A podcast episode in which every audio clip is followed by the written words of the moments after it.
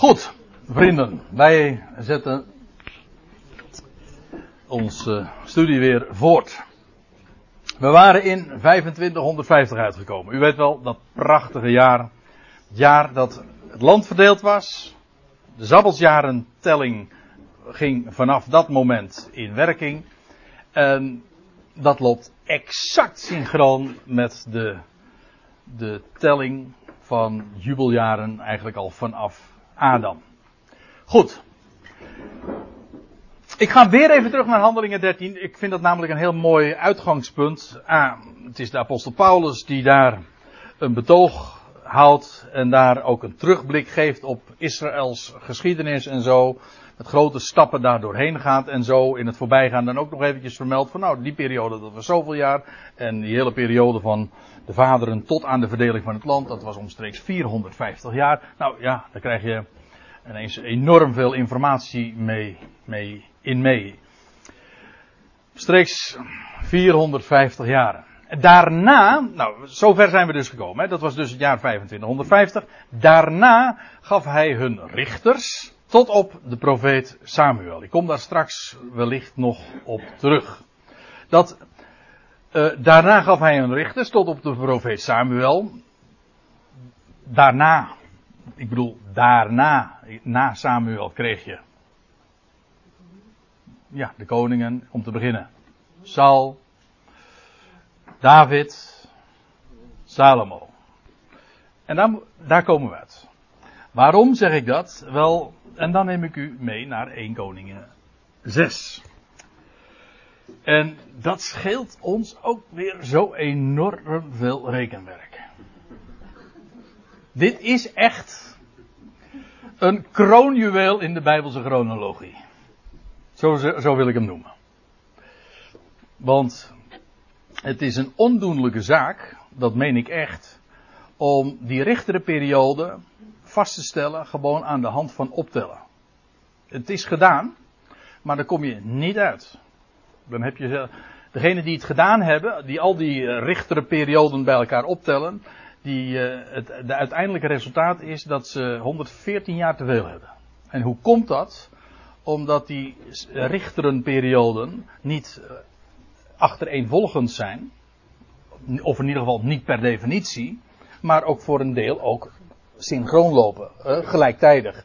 Als de ene richter richtte, richtte ook in een ander deel van het land een andere richter. Dus het is helemaal niet aaneensluitend, zodat het helemaal geen, ge, geen zin heeft om dat op die manier dan bij elkaar op te tellen. Dat is gewoon een oneigenlijke optelsom. Maar, wat dacht je wat? Dat hoeft ook helemaal niet. Want God geeft ons. Daar, dat is het geweldige in die chronologische ketting die er is vanaf Adam tot Christus. In werkelijkheid nog verder, maar goed, even die 4000 jaar. Die chronologische ketting, daar, daar missen we geen enkel schakeltje. Kijk, dat is ook goddelijk werk. Geen enkel schakeltje. Dat wil zeggen, zonder dat we een, uh, onze toevlucht moeten nemen tot buiten bijbelse bronnen ik geef toe, ik, het is mijn conclusie nu, tot nu toe is misschien wat voorbarig, want zover zijn we nog niet. Maar tot dusver hebben we het in elk geval kunnen bevestigen. we zijn inmiddels al een heel eind heen. we zijn al bij het jaar 2550 en de Bijbel levert gewoon stap voor stap gewoon deze informatie. Gewoon schakeltje voor schakeltje. Soms happen van tijd. En zo'n hap van tijd hebben we nu hier ook weer. In 1 Koningen 6 vers 1. Daar staat namelijk dit in het 480ste jaar, na de uittocht uit, na de uittocht der Israëlieten uit het land Egypte. Nou, daar hadden we al van vastgesteld dat het in het jaar 2500 was. In, maar het was het, uh, in het 480ste jaar daarna. Dat was het vierde jaar van Salomo's regering over Israël. Het was in de maand Sif. Dat is de tweede maand. Toen bouwde hij het huis voor de Heer. Nou, daar is al een heleboel aan vooraf gegaan, want David wilde, zijn vader wilde dat al doen. Die had ook wel heel, een heleboel klaargelegd. Maar David mocht dat niet doen. Die had bloed aan zijn handen. zijn, de zoon van David zou dat doen. Dat klinkt dubbelzinnig en ik bedoel het eigenlijk ook dubbelzinnig. Dat was in het 480ste jaar. Nou, weer even de tabel erbij, de tijdtafel, voor degenen die dat graag voor zich willen zien. We waren in het jaar 2500.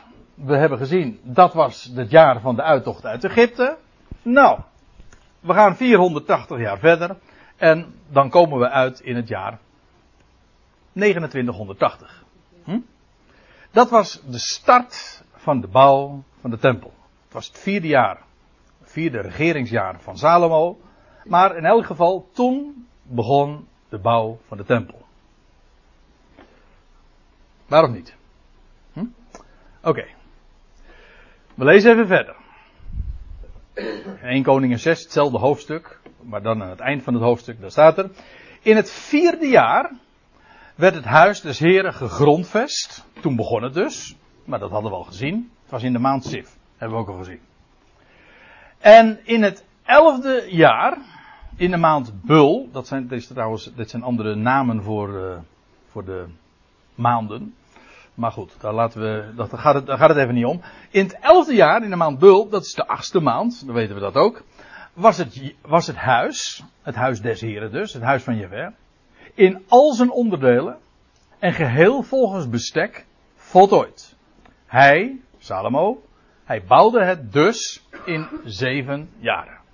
Ja? Nou. Maar staat er dan, 1 Koningen 6, dit was het laatste vers van 1 Koningen 6 en dan gaan we verder in 1 Koningen 7. Maar over zijn eigen huis, dus zijn eigen paleis, bouwde Salomo 13 jaren. Toen had hij zijn hele huis voltooid. Ja, sommige mensen hebben gezegd, kijk, over zijn eigen huis deed hij veel langer. Maar en dus is, heeft, heeft hij dat veel belangrijker gevonden, maar dat is een voorbarige conclusie. God zegt niets uh, kwalijks over uh, deze dingen. Het kan ook zijn dat namelijk in gedurende die zeven jaar veel intensiever gebouwd is, om maar wat te noemen, dan in die resterende dertien jaren. Dat, dus je kunt daar geen moreel oordeel aan koppelen. Doet God ook niet, dus waarom zouden wij dat dan wel doen? Wordt hier gewoon gezegd, uh, zo was het. Zeven jaar, en vervolgens 13 jaar over, zijn hele, over het hele complex. Het was allebei uh, dus in Jeruzalem. Het stond gewoon. Het was eigenlijk één groot gebouwencomplex van het huis van de dynastie van David, van, van Salomo. Zijn huis, zijn, zijn koninklijk huis. Inclusief dan die tempel. Uh, je leest in 2 Kronieken 8. Dus, maar dat rekensommetje had je dus zelf ook kunnen maken na afloop van de twintig jaren, waarin Salomo het huis des Heren en zijn eigen huis had gebouwd. Nou, toen versterkte Salomo vervolgens ook nog de steden en dan gaat het verhaal verder. Maar dat doet nu even niet ter zake. Trouwens, deze twintig jaren worden dan ook nog vermeld in 1 Koning 9, voor degene die het uh, mocht ontgaan. Maar goed, dit had je zelf dus allemaal kunnen uitrekenen. Het was 20 jaar. Nou, wat dacht je wat? Waar zijn we dan uitgekomen? Wanneer was de tempel plus het hele complex daaromheen en het koninklijk huis gereed? Dat was dus 20 jaar na die 480 jaar, oftewel. Heb u een calculator bij u? Ja, ik zie René al zo calculeren. Nee, dat, ik, ik kan het uit mijn hoofd. Dat is, ja, altijd al goed in hoofdrekenen. Uh, dan kom je uit in het jaar 3000. Dus. Dan zijn we weer 500 jaar verder. Precies. Oftewel, als het jaar 2500. Het, als het jaar 2000 dat Abraham geboren werd. Dit is dus precies duizend jaar na de geboorte van Abraham. Hè? 500 jaar na de geboorte van Abraham was, vond de uittocht plaats. En nog weer 500 jaar later was de tempel plus, zo noem ik het dan eventjes, het hele complex van gebouwen daar in Jeruzalem was compleet, was voltooid.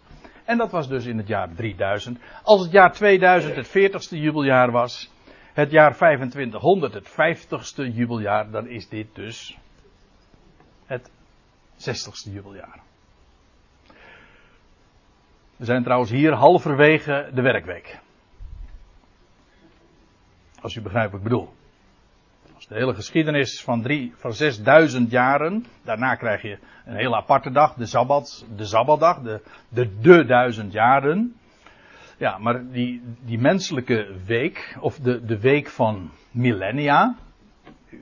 Ik bedoel, zes werkdagen, maar zes millennia zijn we hier op de helft. Op het jaar nauwkeurig. Goed.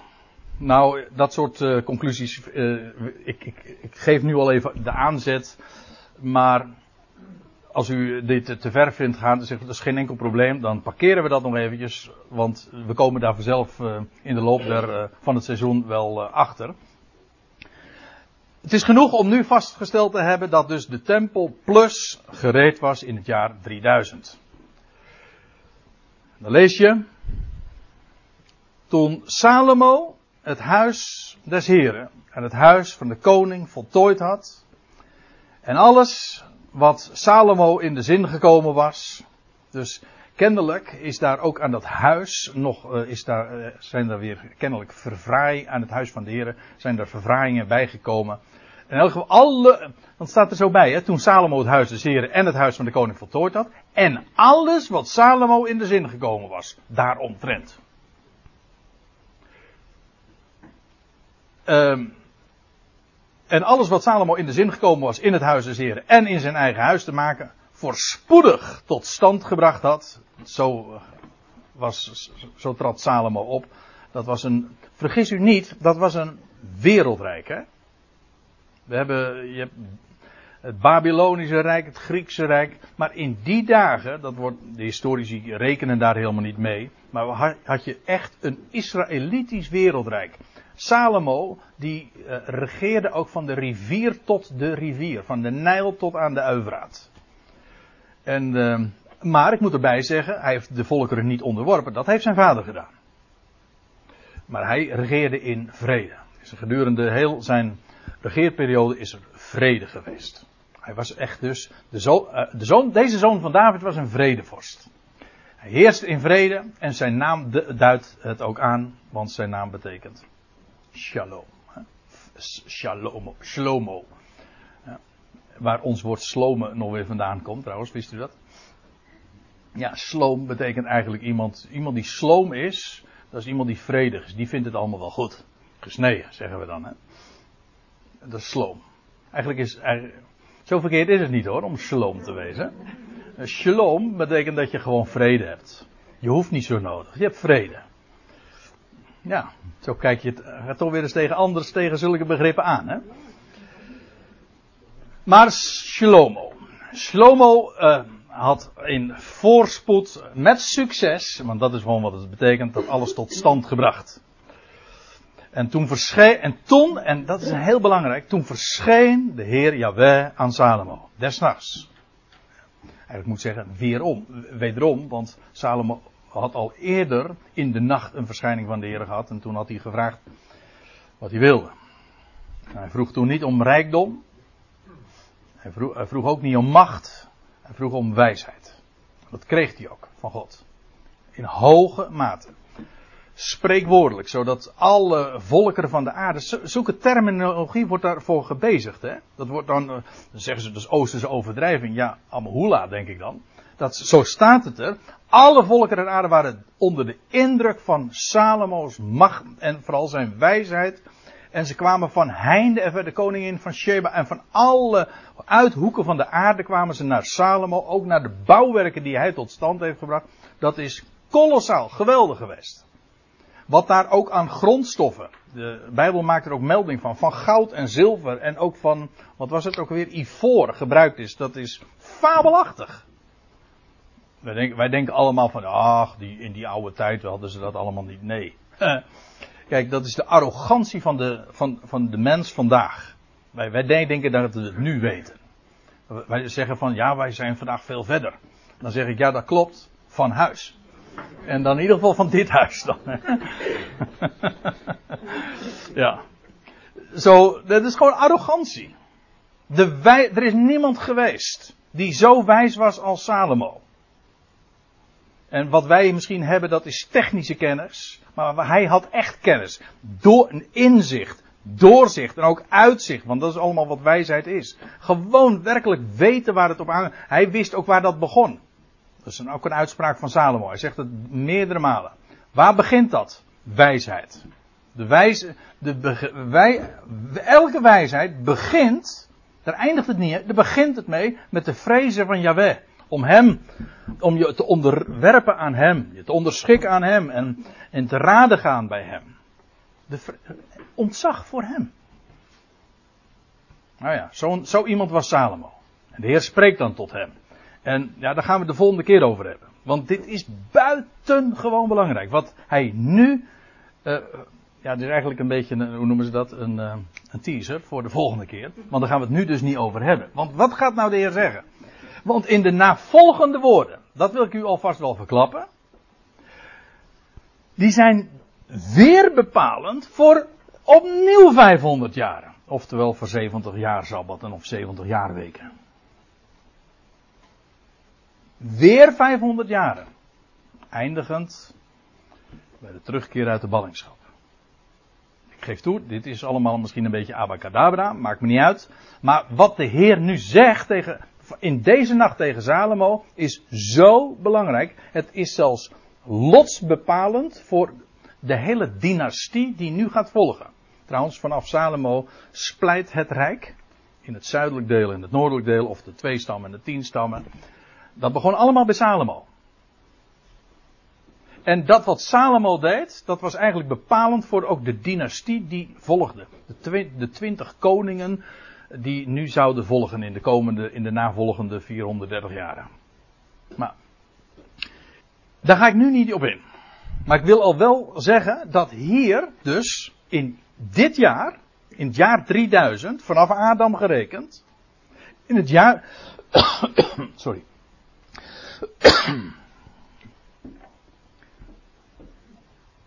in het jaar 3000, uh, hier is weer een, weer een periode van 500 jaar afgesloten vanaf de uittocht uit Egypte. En wat er vervolgens gebeurt, is dat hier weer een beslissende mijlpaal geplaatst wordt voor de navolgende 500 jaar. Ja, echt. En dat is zo bijzonder. En de volgende keer laat ik ook zien hoe die, die 500 jaar zelfs het eh, symmetrisch zijn, een spiegelbeeld zijn van een eerdere 500 jaar. Ook dat is een teaser, want dat ga ik nu ook niet uitleggen. Maar ik wil alleen, ik, ik, ja, ik spreek, terwijl ik, ik weet het, soms struikel ik over mijn woorden, maar ik zeg dit ook omdat ik echt, dat meen ik, ik ben dus iedere keer als ik, eh, als ik deze dingen ook uitspreek, terwijl ik het al weet, maar dan verbaas ik me er weer over. Hoe is het mogelijk? Hoe is het mogelijk? Ja, nou ja, ik, ja, natuurlijk, hoe is het mogelijk? God heeft al gesproken. Dus uh, wat vind, je gek dat je dat watermerk gewoon in alles van zijn woord dan weer terugvindt? Nee, dat is dus eigenlijk logisch. Dat volgt daaruit. Het is, het is van hem en dus staat zijn handtekening daaronder. Zie je gewoon zijn, zijn werk. Ja, dat is goddelijk werk. En dat bedoel ik met, hoe is het mogelijk zeg? Dat is ongelooflijk. Ja. Ik wil u nog wat uh, vertellen.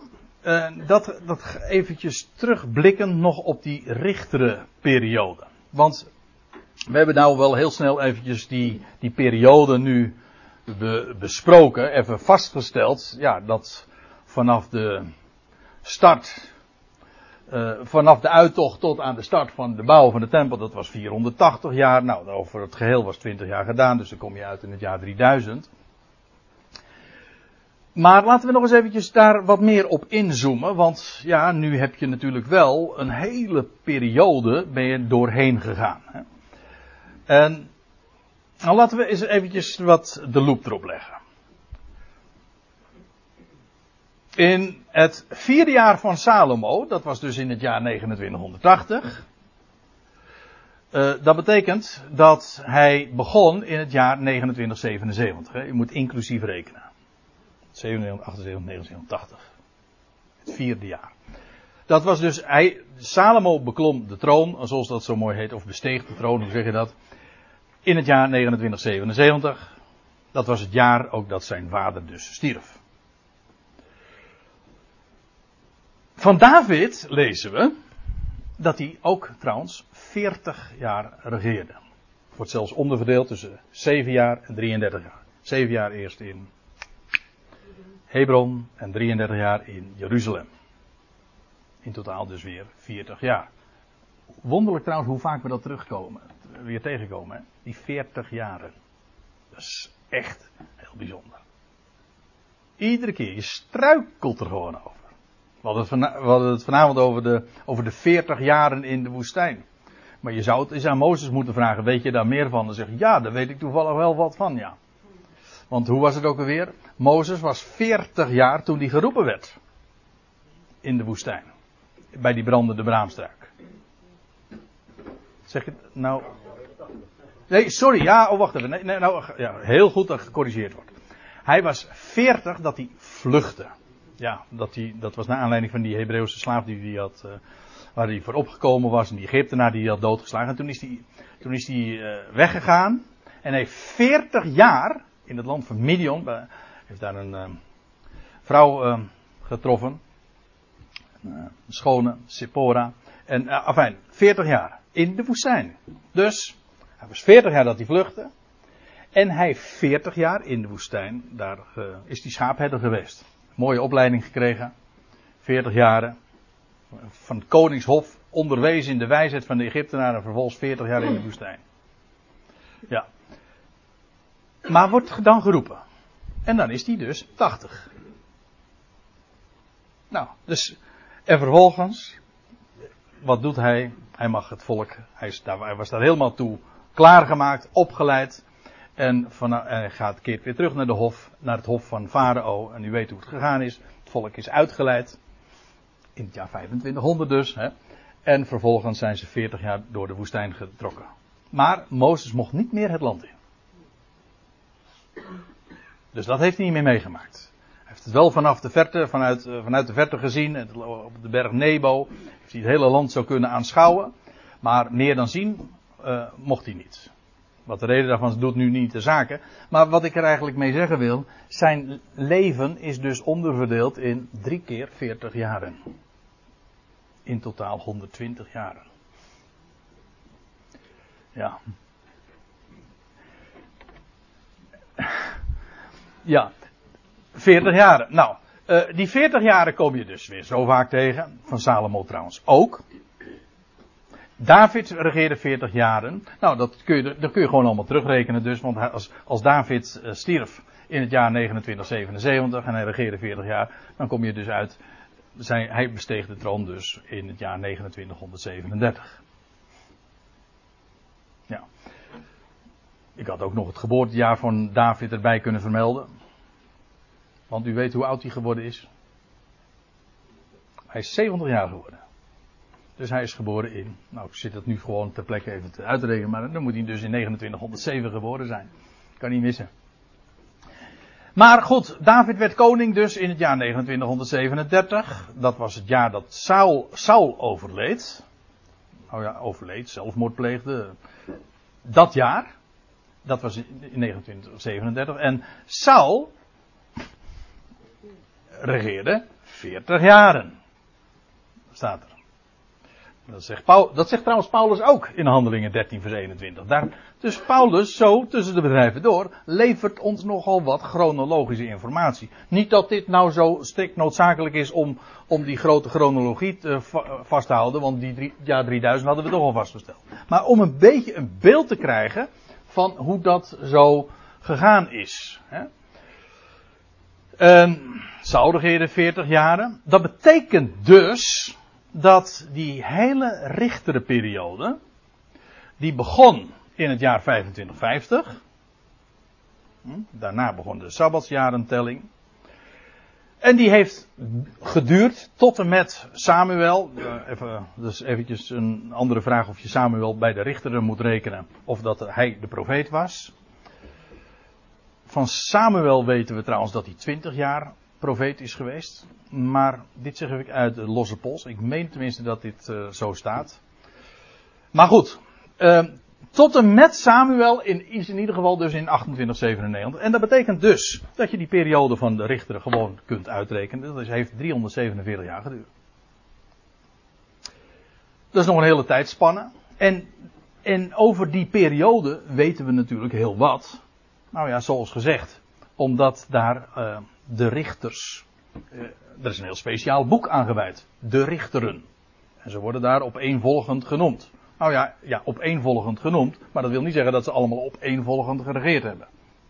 Maar dat bedoelde ik net al vast te zeggen. En het mooie is, we hebben het ook helemaal niet nodig. Het, was, het is een duistere periode geweest trouwens. In het, er zijn wat oplevingen natuurlijk geweest. Iedere keer was het zo dat het volk door vreemde heerschappij dan weer, uh, hoe zeg je, onderdrukt werd. En dan lees je dat ze, als het weer de nood hoog werd, dan riepen ze tot de Heer en de Heer gaf hun een richter. Of dat nou, uh, of dat nou uh, Ehud is geweest, of dat het Gideon is geweest, nou, welke kent u allemaal nog meer? Ja, de bekendste is natuurlijk Simpson, dat kan niet missen. Oh ja, sorry, ja. Goed dat je er eventjes, dat je haar toch memoreert, Gerard. Vergeet de vrouwen niet. Nou ja, vrouwen. dat is er maar één, hè. Deborah. De ma mannen. Echte kerels, zeg maar. En, nou ja, die periode is het. In diezelfde periode is het ook dat, het, uh, dat er nog een ander boekje uh, ontstaan is. En dat is het boekje Rut. Nee, niet Esther. Nee, dat is nog een stuk later. Maar het boekje Rut. Boek, het boekje Rut, daarvan lees je in vers. Nou, volgens mij staat het meteen ook in het eerste vers al vermeld. Uh, dan moet je even goed kijken natuurlijk. Er staat. In de dagen dat. Zo begint het boekje. Daarmee wordt het dus meteen in deze tijdspannen geplaatst. In de dagen dat de richters richten, gebeurde het dat er een hongersnood in het land was. Dat gebeurde trouwens in die periode ook heel vaak. Het is een hele arme, armzalige periode geweest. En het refrein in het boek Richteren is. Nou, help me eens. Ja, ieder deed wat recht was in eigen ogen. Dat was eigenlijk het refrein, iedere keer. Dus uh, moet je nagaan hoe vergeetachtig een mens is. Ik zeg het expres nu even zo. Want je ik zou natuurlijk uh, kunnen zeggen afstandelijk. Kun je nagaan hoe, uh, hoe vergeetachtig dat volk Israël was. Nee, hoe vergeetachtig de mens is. Uh, hij wordt overladen met bewijzen van Gods goedheid, zijn wondermacht. En, en als en een mens is zomaar weer de draad kwijt en gedesoriënteerd. Gaat, en doet gewoon wat goed is in eigen ogen. En als die doet wat goed is in eigen ogen, hij verdwaalt Per definitie. Het wordt altijd duisternis. Het is altijd zo. Weet je wat het mooie is? Of ja, mooi, wat heet? Wijsheid van God is niet alleen maar goed in de morele zin, het is ook gewoon verstandig. Wijsheid, dan ben je, als je luistert naar hem, dan ben je gewoon verstandig. Als je slim bent, als je intelligent bent, masculine, dat is een grapje even met Menno. Uh, als je inderdaad een, een verstandig bent, je verstand gebruikt, dan luister je naar wat de Heer te zeggen heeft. Want zijn woord, daar kun je op bouwen. En op het moment dat je op eigen, op eigen inzicht steunt, nou, dat is een rietstaf, daar ga je doorheen. Maar goed, dat boekje Rut speelt dus ook af in deze periode. En dat is dan ergens, uh, ik vermoed, dat is eigenlijk een, dat is een leuke uh, studie op zich. Dat zal dan ergens tussen 2600 en 2700 geweest zijn. Hooguit misschien ietsje later, want je leest aan het einde, namelijk van het boekje Rut, een geslachtsregister. Dan, uh, hoe was het ook alweer? Ik zal het, dat is het laatste wat ik doe. nou, weer even opslaan. Er staat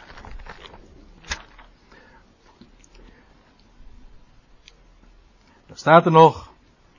En uh, nou, Boas wordt dan uh, geboren uh, uit dat huwelijk met. Nee, wacht even. Boas. Die trouwt met Rut. Ja. Boas trouwt met Rut. En die verwekte Obed. En Obed verwekte Ischai. Jesse. En Isaï verwekte David, de koning. Dus ja, nou ja, dan waar moet je dan ongeveer uitkomen?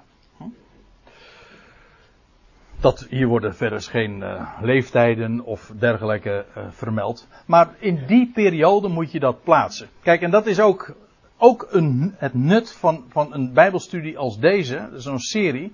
Je leert gewoon het hele Bijbelse verhaal te plaatsen. Je weet, aha, daar bevindt zich dat. In dat, in, in die, tussen die scharnieren. En, en God heeft ons daar gewoon tijdframen voor gegeven. En die zijn zo goddelijk. En daar gaan we ons ook de volgende keren weer mee bezighouden. Maar ik hoop u ook vanavond weer daarvan te hebben overtuigd hoe kostbaar en hoe, hoe geweldig designed het woord van God is. De schriften, de wonderen van de schrift, ook in de hele tijdsrekening en de wijze waarop er staat geschreven ook dat mijn tijden zijn in uw hand, maar alles wat hij beschikt, dat doet hij volmaakt op zijn tijd. En nou begin ik, dat lijkt me een aardige afsluiting. Wolter is de vorige keer daarmee begonnen, door te lezen uit Prediker 3. Alles onder de hemel heeft zijn tijd. En dan staat er in vers 10 van dat hoofdstuk, hij heeft alles volmaakt op zijn tijd gemaakt, geplaatst. En die hele wijze waarop de Bijbel dat onder de oppervlakte laat zien, in die tijdrekening, die jubeljaren, die hele tijdspannen, spannen, het is geweldig. En dat is wat God, uh, zoals God zijn woord daarmee ook bewijst. Zullen we daarbij laten voor vandaag? Ja. Of is er nog misschien een vraag? Het kan best zijn dat ik iets, iets belangrijks vergeten ben. Of dat er een belangrijk punt van kritiek was. Spaar me een klein beetje alstublieft. Maar.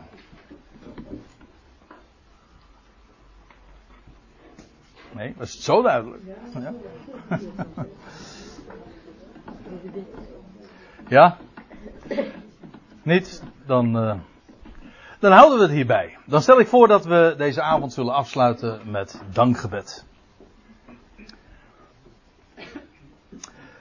Machtige God en Vader, we danken u dat u ons zo'n rijk woord hebt gegeven. En dat de schriften het zo waard zijn om te onderzoeken. Om onder de oppervlakte te zoeken, want dat is wat het werkelijk betekent. En wat we dan allemaal op het spoor komen. Het is werkelijk een goudmijn. Het kost misschien moeite. Het kost tijd om daarin te spitten. Maar wat levert het op? Wat een rijkdom. We zijn zo schat hemelrijk. Met het kennen van u, de God van alles. De God van heel zijn schepping. De God van de sterren, de God van de maan, de God van deze aarde. De God van hemel en aarde. Maar u bent ook de God van de tijden de God van de Ionen.